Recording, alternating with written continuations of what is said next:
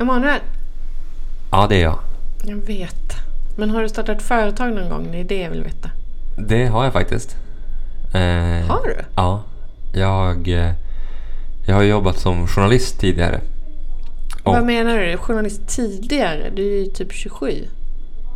Jo, men jag har jobbat som journalist tidigare. Och eh, Alltså hur hinner du med allting? Jag förstår inte.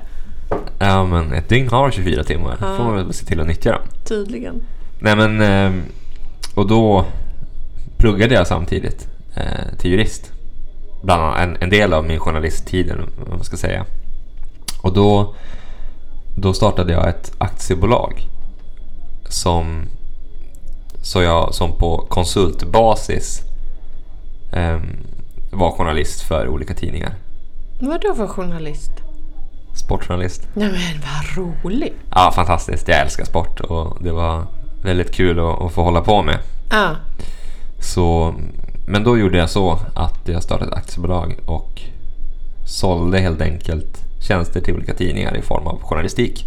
Alltså du fakturerade timmar eller fakturerade artiklar eller hur funkar det? Ja men precis, det Ah. beror ju på upplägget. Ah. det, det är lite både och skulle jag säga. Coolt. Eh, Så då hade jag ett, eller har fortfarande, ett aktiebolag som är riktat mot media då. Var det självklart för dig allting när man startar företag? Jag tänker du, du är ju ung ny, du måste ha varit ännu yngre. Var det svårt? Alltså det är väl, just uppstartsprocessen är väl lite långdragen kan man säga. Ja. Men, eh, men eh, jag tycker ändå inte att det var direkt svårt utan det finns ändå ganska goda möjligheter att, att starta ett bolag eh, ja, men med, med den information som finns tillgänglig från Ja. eh, ja, men Bolagsverket och Skatteverket. Och, utan då är det väl snarare frågor som bokföring och årsredovisning och, och löpande på det sättet som, som kan vara lite mer knivigt att sätta sig in i om man inte har hållit på med det förut. Ja, men jag tänker många gånger så som företagare så, så har man sin idé, man har sin särskilda liksom, kompetens eller färdighet eller erfarenhet. Man tror sig ha den i alla Ja, fall. man tror sig ha den.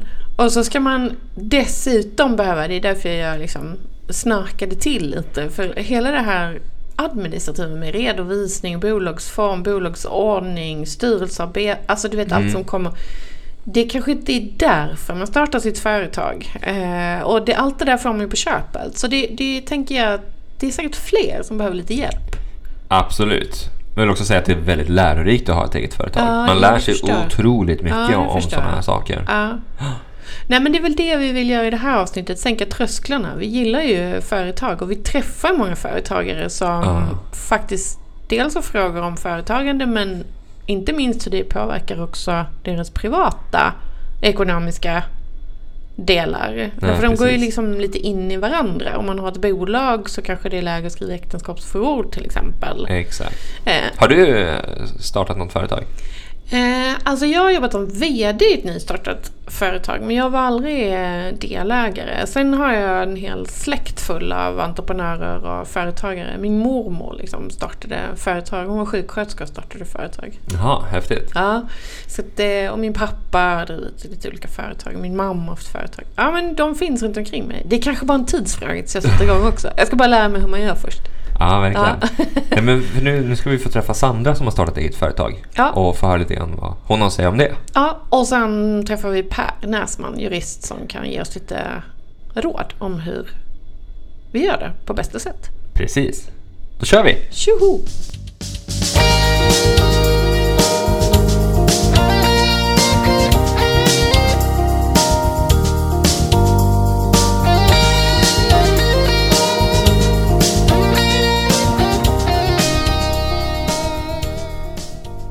Ja, idag har vi ju förmånen att få med oss Sandra Kallermo. Varmt välkommen hit! Stort tack! Kul att vara här. Vad roligt. Kan inte du berätta lite grann vem du är och vilket företag du driver? För det är lite det vi är inne på idag.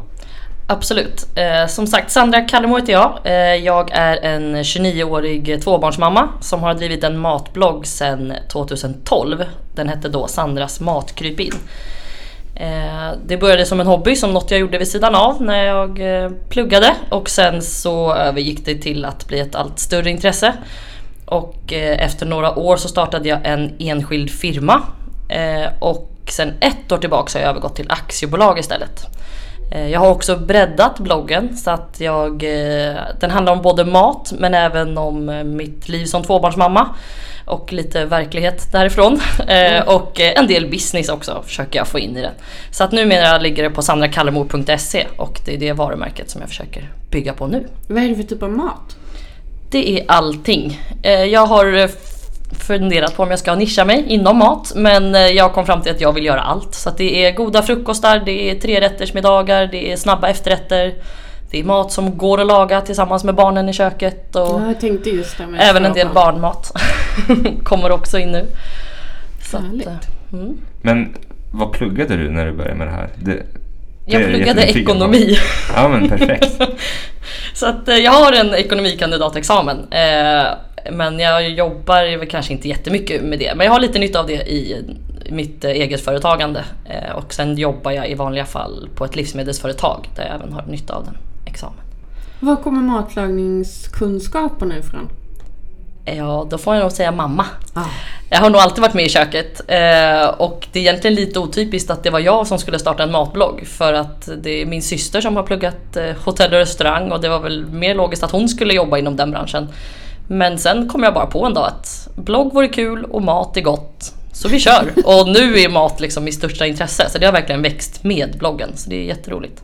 Mat är verkligen jättegott. det är gott. Ja. Det är jättegott. Sandra, när du startade upp ditt företag, eh, vad stötte du på för utmaningar? Ja, alltså jag gjorde det lite enkelt för mig när jag startade aktiebolaget. Eh, så att istället för att starta upp allt och lite långa handläggningstider och skicka in papper och FOF-skatt och sånt där så köpte jag ett lagerbolag. Eh, det innebär att man köper ett bolag som redan finns, man får ett organisationsnummer och man slipper lite krångliga steg i början. Eh, så att det kostar en liten slant men då, samma dag som jag köpte det så kunde jag bara signera med BankID och så hade jag bolaget klart och det var redo att köra igång. Var köper man lagerbolag?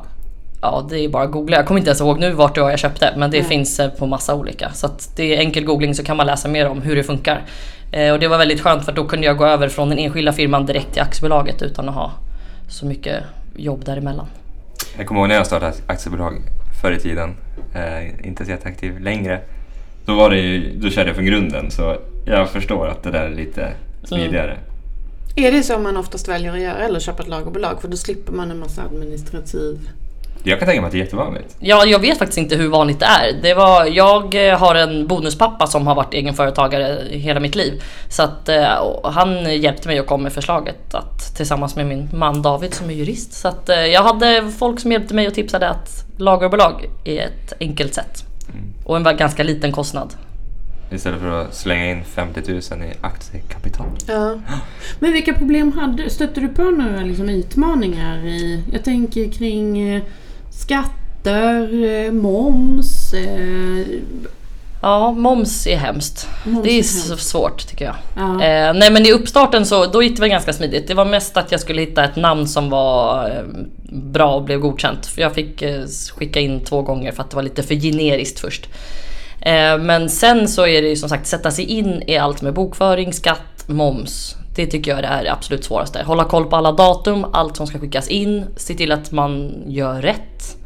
För man vill ju göra rätt men det är inte alltid så himla lätt att hitta svar på sina frågor. Men du gör alltså själv? Alltså du har inte hjälp av någon typ revisor? Nu har ju du läst ekonomi så jag kan tänka mig att... Ja, alltså jag borde väl kanske kunna det lite bättre själv. Men jag är ganska ointresserad av den biten av ekonomi. Eh, så att tyvärr så är jag ganska kass på det. Men jag har eh, hjälp från eh, till exempel kompisar jag pluggade med som har gått den vägen och jobbar som revisorer. Så att jag, jag tar hjälp av dem. Så än så länge har jag inte lejt ute. Perfekt. Men du, det, det är ganska många som, som funderar på att starta företag och sådär. Om du som har gjort det skulle ge tre råd till någon som vill starta ett företag, vad skulle de tre råden vara då? Ehm, det första som är lite tråkigt men ändå en bra start det skulle nog vara att läsa på lite om olika företagsformer. För det är inte självklart vilka man ska välja. Det finns en rad olika. Jag började som sagt med enskild firma och sen valde jag att gå över i aktiebolag för att våga satsa lite mer. Eh, så läs på lite, fundera hur vill jag tjäna pengar, vad tror jag kommer att ha för omsättning och lite hur, vilken strategi man ska ha för att därefter kunna ta beslut vilken bolagsform som är rätt för dig.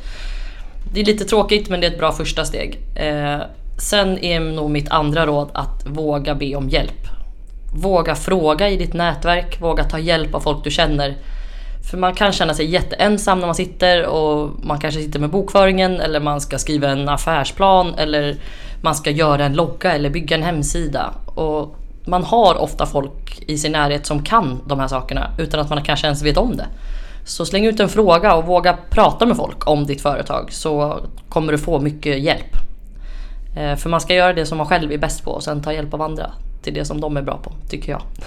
Men man kanske inte har så mycket pengar att lägga i början. Så att, Nej, men men folk vill hjälpa till. Folk är ju ofta villiga och tycker att det är kul. Jag tänker att det är ett bra sätt att nätverka och sprida kunskap om sitt företag också. Mm. Eh, att det är fler som känner till att det här är på gång. Och, Ja precis, och ju fler som vet vad du jobbar med och vad du gör så kan de sprida ordet, du får marknadsföring. Du får liksom kanske få kunder på det till slut för att man vågar slänga ut en fråga. Så att eh, våga fråga och be om hjälp. Man behöver inte kunna allting själv, det är omöjligt att kunna allting själv. Eh, och det tredje rådet skulle nog vara Dream big som jag brukar säga. Man måste våga satsa. Tro på din idé. Om du, har liksom, om du känner dig trygg att ah, men det här tror jag på. Jag tror verkligen att det här kan bli framgångsrikt. Det här är jag bra på. Det här kommer bli kanon. Om du har kommit dit och har den magkänslan, då är det bara att köra på. Då kommer det bli bra. Men om man går lite såhär, nej det skaver lite, jag tror inte riktigt. Man kanske knappt vågar berätta för folk om sin idé för att man nästan skäms lite, kanske tror på det lite för mycket. Då omarbeta det lite och kom tillbaks och liksom, det här, nu kör vi. Det tror jag på. nu blir jag till och med lite inspirerad. Du har redan ganska många bollar i luften Linda. ja, jag vet. Men det är jättekul att får liksom köra på sin idé. Ja, men på tal om många bollar i luften, så jag har också alltid varit en sån person som har väldigt många bollar i luften. Så när jag startade bloggen så kanske det inte var så många som förstod varför jag skulle starta just då. För jag pluggade typ på heltid. Jag hade ett eh, extra jobb på bank och jag hade dessutom två ideella engagemang i studentlivet. Men jag kände ändå att men jag kanske behöver göra någonting mer. Ett litet till projekt. Och folk kanske undrade varför och vilken tid jag skulle ta till det. Men det blev ju bra. Nu sitter jag här idag. ja, vad härligt. Sover du fyra timmar per natt? Nej, jag kommer nog upp i sex timmar. Lite störd sömn på grund av två småbarn, men det går det med. Du ser glad ut ändå. Jag är glad. Eh, Sandra, nu, som, nu har jag förstått att du är gift med en, en jurist och det är ju fantastiskt lyxigt tänker jag om en egenföretagare ska starta igång. Ja, Men, men om du vill låtsas att du inte var gift med en jurist utan du var gift med en kock. mm, Eh, det skulle ju faktiskt kunna vara också. ja. Ehm, vad tänker du att, att en småföretagare, vad, vad är det för frågor man kan ha till en jurist? Vad kan en jurist hjälpa till med? ja, det första som kommer upp är Alltså man jobbar ju med avtal mot sina kunder ehm, och, eh, och leverantörer. Och det kan ju vara svårt att läsa och förstå. Det kan vara svårt när man ska skapa sina egna avtal. Alltså, och, som man ska ehm, om man ska ha något samarbete eller så till exempel så har jag avtal med mina kunder. Så att eh, avtalsfrågor kan ju vara väldigt klurigt. Och min man är ju avtalsjurist så att det är väldigt trevligt. Hon valde verkligen man med omsorg. Ja, man ska inte vara dum. Han gick ju på gymnasiet när vi blev tillsammans så att jag visste inte om det då. Men Ah, eh, det, så. det, det blev bra. Eh, Han är också en väldigt kompetent diskare så det är bra komplement till matbloggen. Men eh, annars utöver det så är det ju mycket skatt tycker jag. Där behöver man hjälp av jurister och där kan inte ens min man svara ibland. Eh, för knappt Skatteverket kan svara. Eh, nej men det är svår gränsdragning tycker jag med skatt och det är moms och när ska jag betala skatt? Och när man är som bloggare och influencer, vad är det som är privatlivet, vad är företaget, vad kan jag dra på, vad kan jag dra på företaget och vad ska jag bekosta själv? Och ja, grundregeln är väl att man ska alltid betala skatt på något vis men man ska förstå hur och göra rätt. Ja, Och just det. där, det är snårigt så där känner jag verkligen att man behöver hjälp. Ja. Vi ska träffa en jurist här alldeles eh, strax så vi tar väl med frågan där från dig Sandra kring Mm. skatt och kanske en del avtalsbitar också. Vad som är viktigt att tänka på. Absolut, Mm. absolut. Men sen är det något annat som du tycker är viktigt i, i de här... Men, kring de här frågorna? Eller, eller ja, något, något som är bra att ta upp här inför, inför att någon annan vill starta ett företag? Ja, det, jag vet inte riktigt. Jag tycker jag har fått med ganska mycket men jag tycker bara att jag skulle vilja säga att folk ska våga starta eget och våga göra någonting. Om du har en hobby som du tror att du kan göra någonting av eller du har varit anställd längre och känner att jag skulle kunna göra det här på egen hand och kunna sälja mig själv som konsult eller så. Så kör på det och våga testa. Man kan starta vid sidan om. Jag har ju hittills gjort det här vid sidan av när jag har pluggat och jobbat. Eh, och nu är jag föräldraledig och drömmer om att under den här föräldraledigheten kunna höja upp företaget ett steg till och kanske inte behöva gå tillbaks till min anställning sen. Så jag tror att man kan våga börja lite vid sidan av och sen se, prova sig fram, se vad det kan bli, vilken efterfrågan som finns efter en tjänster och sen så våga köra. Att det är en process, det tror jag liksom också. Mm. Många gånger när man tänker att man ska starta företag så har man idén att ja, men då måste jag bli framgångsrik bums. Mm. Eh, Men det är ju någonting som tar tid att bygga upp och där man behöver liksom satsa tid och ha tålamod också. Mm. Och inte ge upp. Ja precis. Och Hur lång tid tog det för dig Sandra? ja, så det är 2012 jag började med bloggen och Ja. sen startade jag väl den enskilda firman om det var 2015 eller 16. Ja. Och sen var det nu 18 då som jag gick över på aktiebolag. ja. Men det är som du säger, det är en process och det beror ju på såklart vad man gör, vilken affärsidé det är man har. Men för mig var inte ens målet från början att bli egenföretagare egentligen. Jag skulle bara ha en blogg. Eh, men sen blev det det här och den, sen har ju det växt och något som jag verkligen drömmer om att kunna vara egenföretagare och ha mitt eget och ha den flexibiliteten. Och eh, beroende på vad man gör så för min del så har det funkat bra att det får växa fram. För det har varit en lång process. Jag vet fortfarande inte riktigt vad i företaget jag ska dra in alla pengar på som jag behöver. Men det håller jag på liksom att utforma. Det får bli längs vägen och man får följa marknaden och nätverka och prata med folk och se vad saknas där ute. Vad kan jag hjälpa till med? Jättekul Sandra, stort lycka till med ditt företag och din livsstilsblogg. Jättekul att ha dig här. Tack så jättemycket! Stort tack.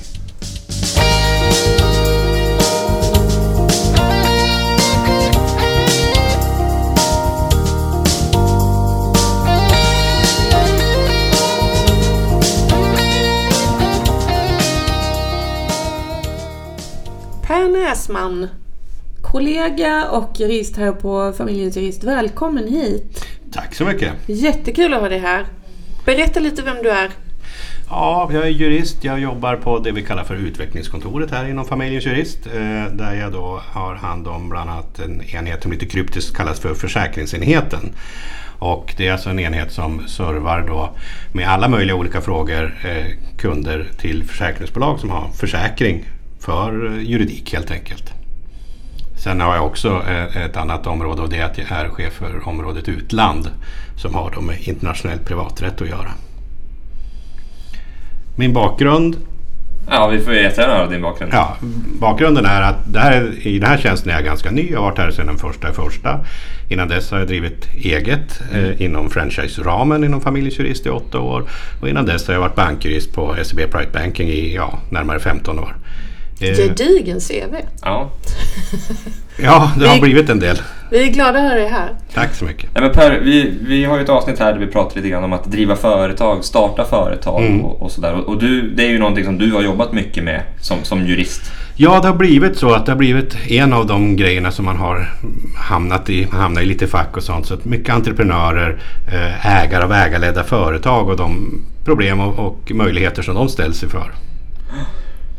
Vilka är de vanligaste misstagen skulle du säga småföretagare gör när de startar upp? Ja, det vanligaste, eh, och då, pratar vi misstag, att det, här flyger inte. Det kommer inte gå den här verksamheten. Och det är ju liksom att man helt enkelt inte har tänkt igenom affärsidén och affärsmodellen ordentligt. Och det jag menar med det, det är ju helt enkelt att eh, det verkligen går att tjäna pengar på den här affärsidén. Att det finns tillräckligt många köpare som vill köpa av dig till ett pris som täcker kostnaden. Eh, och Eh, för man tycker att man har en sån fantastisk produkt eller en sån fantastisk tjänst som alla borde ha. Men är folk villiga att betala för den? Så det är en, en, en, ett vanligt fel. Och en annat kan vara mm, att man har då startat upp det lite fel. Man har lite svag struktur. Man har inte satt avtal på plats. Man har inte gått igenom hur man ska arbeta i det här eh, bolaget. Eh, och det kan också göra att det hela fallerar. Um, om man tänker på tre specifika tips som du skulle kunna ge till människor som vill starta företag. Vad, vad skulle det vara? Ja, om vi pratar en uppstartsfas så ska jag säga att eh, man ska ta hjälp. Prata framförallt med de tilltänkta kunderna. För här är det så, har de nytta av det du tänkte erbjuda så kommer de gärna att hjälpa till. Ser du att de tvekar eller backar och inte vill hjälpa till, ja då troligtvis har de inte nytta av det du tänkte sälja och kanske behöver tänka över affärsmodellen igen. Ett annat är ju då att eh, självklart att man gör det här grundarbetet noga, funderar över vilken företagsform ska jag driva det här i? Ska det vara enskild firma eller ska jag hoppa direkt in och börja driva det i aktiebolag?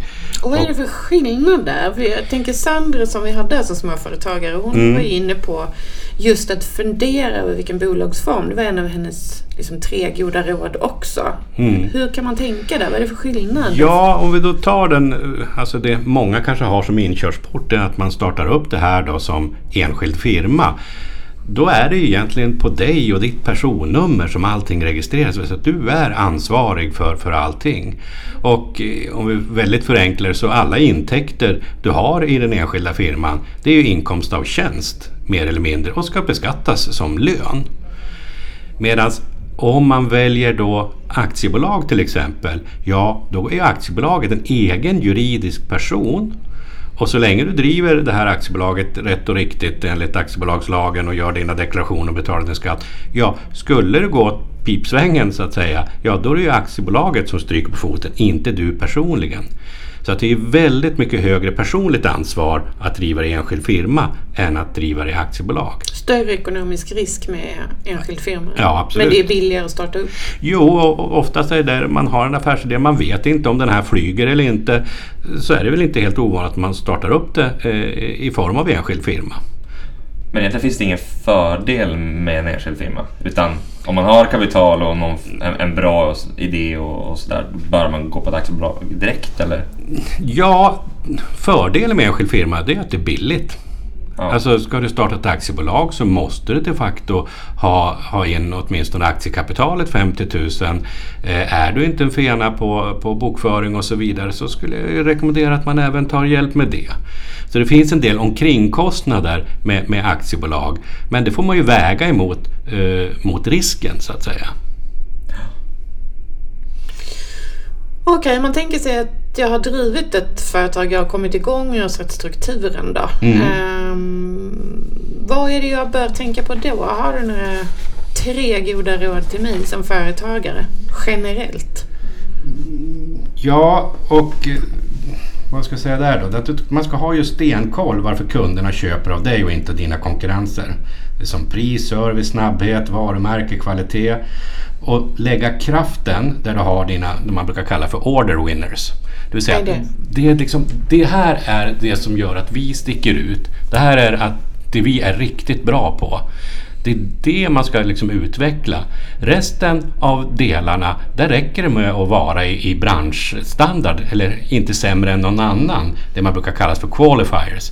Så att order winners, det är, liksom, det är de sakerna som du gör som gör att de väljer din produkt eller tjänst framför någon annan. Och det är där man ska lägga den huvudsakliga kraften eh, enligt min mening. Ja. Och normalt sett det, det, andra då att man fortfarande för att det här ska liksom fungera i längden att man har ordning och reda på avtal, uppföljning, ägar och bolagsstyrning. Eh, att man verkligen går igenom de här sakerna. Och här är väl något sånt här litet råd som jag har. Det, när man driver ett aktiebolag så ska man ju då eh, ha eh, då bolagsstämma och, och så vidare. Och även, jag vet ju att i många fall så blir det här en papperstiger. Det är någonting som bara görs för att det ska göras. Men det är ett alldeles utmärkt eh, forum för att faktiskt gå igenom och tänka igenom hur ser det ut framöver, strategiska beslut och så vidare. Och jag är ju också stor fan av att man faktiskt skriver ihop lite grann om, om, den här affärsplanen. Hur har vi tänkt att det här ska genomföras? Och även då ägardirektiv. För att när man startar bolag och speciellt i det fallet man är ensam delägare i det här bolaget så har man lite svårt, man blandar ihop sina roller i bolaget. För att den ena rollen, det är ju du som ägare. Jag äger mina aktier i det här bolaget. Mm. Det vill säga att jag kan då rösta på bolagsstämma och så vidare. Den andra rollen som man sitter, då sitter man med i styrelsen på bolaget. Och det är också en roll där man ska ta strategiska beslut för framtiden och så vidare. Och det, det fjärde, det är ju, eller det tredje, det är ju att oftast är du ju då anställd i ditt bolag också. Mm. Så du har som tre roller som är väldigt lätt att blanda ihop. Där man kan säga då att som ägare då fungerar det ungefär eh, som eh, i bolagsstämman motsvarande riksdagen. Medan då styrelsen, det är liksom regeringen som ska ta fram den, den här biten. Och eh, sen som anställd, ja men då är resten av folket så att säga. Just det. Eh, om, om, man är flera stycken som, som startar ett bolag, då, vad, vad man tänka på då? Ja, där är det ju det att överlag, om man tittar, går in lite mer på vilka juridiska handlingar, vad är det vi ofta hjälper till med? Ja. Så är det ju då att är man mer än en delägare så vill man ofta skriva ett aktieägaravtal. Och det går under namnet kompanjonavtal och konsortieavtal och det är samma sak alltillsammans egentligen. Det är alltså att är man mer än en delägare så vill man oftast klara ut i förväg vad händer om någon av parterna håller på att bli av med sina aktier. Och det kan vara genom att man, man skiljer sig, eh, man, man, någon avlider. Eh, det kan vara att någon helt enkelt vill kliva av, man vill inte hålla på med det här längre, nu vill jag spela golf istället. Eller att någon blir långvarigt sjuk. Då eh, kommer man överens i ett aktieägaravtal om vad händer vid de här situationerna. Och det man vill göra det är att man vill ge de övriga delägarna första king på de här aktierna. Och så ska man också i det avtalet då tala om vilken värderingsprincip ska vi använda för det är oftast där det kör ihop sig.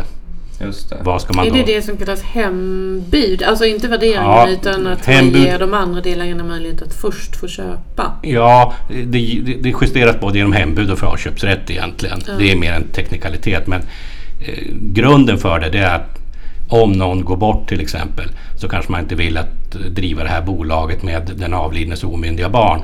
Utan då ger man de andra delägarna möjligheten att ta de där aktierna och stoppa ner en vettig summa pengar i dödsboet som de får dela på istället. Mm. Just det. Um, vi pratade med Sandra här innan och um, hon hade en del funderingar kring framförallt moms och skatt överlag. Hon pratar liksom ja, men, vad kan jag ta på företaget? Vad bör hänföras mer till det, till det privata och sådär. Hur, hur ska man mm. tänka där? Ja, här är det då att i hennes fall som influencer-bloggare så är det en ganska ny företeelse. Eh, Skatteverket är ganska eh, duktiga på att komma igång därför att på Skatteverkets hemsida finns det ganska mycket skrivet om hur man ska ta upp olika saker till beskattning. Det som står på Skatteverkets hemsida det är mer riktat till än eh, någon som driver enskild firma. Det vill säga att eh, jag har fått produkter, måste jag betala skatt? Ja, grundregeln är att man ska betala skatt och eh, är man då enskild firma, ja då ska man ta upp det som inkomst av tjänst. Driver man det i ett bolag, ja då är det ju en intäkt i bolaget så att säga, som går in i balansräkning på intäktssidan. Och här kan det mycket väl vara så att det är moms och då ska den då redovisas ingående mot utgående moms så att säga. Och här igen då grundrådet där, är du inte intresserad av bokföring, ta hjälp med den. Men på Skatteverkets hemsida där kan man få väldigt mycket hjälp om eh, olika saker. Om man har fått en resa, det kan i vissa fall vara sånt som ingår i, i det här och i vissa fall inte.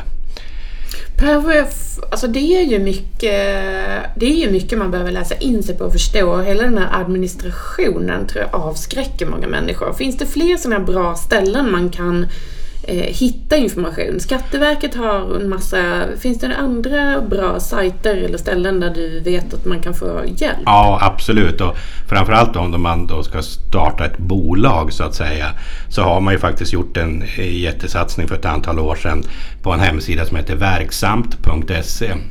Och det är alltså ett samarbete mellan Bolagsverket och Skatteverket som, ja, får jag lov att säga, har tagit bort en hel del av det jobbet som jag har gjort tidigare. För att nu kan man faktiskt göra det här själv. Och, du låter glad ändå. Ja, men, men vi kan hjälpa, kan vi hjälpa till med mer viktigare saker som aktieägaravtal och, och sådana där man behöver tänka till lite grann mer. Och där man då inte kanske ska ta första bästa mall för den är ju väldigt specifik för vilken typ av verksamhet du har, hur många delägare har man, har man majoritetsägare eller inte och så vidare.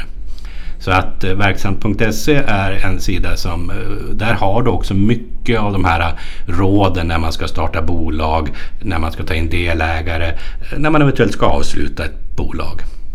Superbra. Hur ska vi sammanfatta det här Emanuel? Det är liksom tre bästa tipsen till företagaren.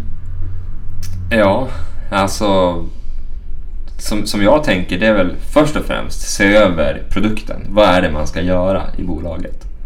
Det är väl ändå någonstans det första du måste titta på. Ja, det är ju så att aktiebolag eh, de är till för att tjäna pengar. Om du har ett aktiebolag som inte ska tjäna pengar då måste du till och med skriva in det så att jo, det här gör vi för att tjäna pengar och därför så är affärsmodellen, går det att tjäna pengar på det här? Är någon villig att betala så pass mycket att det täcker mina kostnader och faktiskt blir en vinst? Ja. Det är ju liksom nummer ett. Du kan ha världens mest fantastiska idé och tycka att alla borde ha det här. Men är folk inte beredda att betala för den så kommer det ändå inte gå ihop sig. Nej. Och det andra är att man ska se över strukturen och säkerställa att man har ja, men rätt bolagsform, all administration, all dokumentation strukturen på plats helt enkelt. Ja, och i det kommer ju då de olika civilrättsliga handlingarna, juridiken då, aktieägaravtal. Är du till exempel då gift så kanske det är så att du kanske även vill att det här bolaget utifall, Gud förbjuder, du skulle eh, separera, att du faktiskt får behålla det här bolaget. Och då behöver man skriva ett äktenskapsförord. Så att det är flera delar i det hela såklart. I strukturen? Ja. ja. Och den tredje har jag glömt. Men det finns så mycket att tänka på. Det, det, ja, det är väl att, att, man, att man faktiskt också ska våga. Det, det, jag upplever i alla fall som att det finns väldigt många som har goda idéer. Eh, kanske inte riktigt vet hur man ska förverkliga den. Men tar man då hjälp av eh, ja, men dels jurister och kanske ekonomer eller vem man nu tycker kan bidra med någonting så kanske man kan få lite skjuts på vägen och komma till skott. Jag tycker det är jätteviktigt att, att folk vågar göra sin grej. Ja, det är väl en förutsättning, tänker jag. Att ja, så är det ju. Liksom, igen, det är inte alltid denna, den här fantastiska affärsidén som gör att ett, eh, ett sånt här projekt lyfter. Utan det är ju liksom att, det är liksom det jag sa tidigare, det är liksom genomförandekraften. Att man, man måste arbeta hårt och målmedvetet. Annars kommer man inte att lyckas. För att bara idén i sig lyfter inte det här till några vidare höjder utan ja, att man verkligen man får kavla upp skjortärmarna och, och, och jobba på. Precis det konstaterade också. Vi pratade om processen och ha tålamod och att man är beredd att ja, jobba och satsa och att utdelningen kommer kanske inte bums utan man får ligga i. Nej, det här är lite grann den gamla trägen vinner så att säga. Man måste jobba på med det här. Eh, så har man då konstaterat att det finns folk som vill betala för det eh, och du har en tjänst eller produkt som du tycker är awesome så eh, bara det räcker inte. Utan det är, man måste jobba på för det här för att kunna få det att lyfta. Fantastiskt. Tack så mycket Per. Superstort tack. Jättekul att ha dig här. Tack för, tack för att jag fick komma ska det heta. Välkommen åter. Tack så mycket.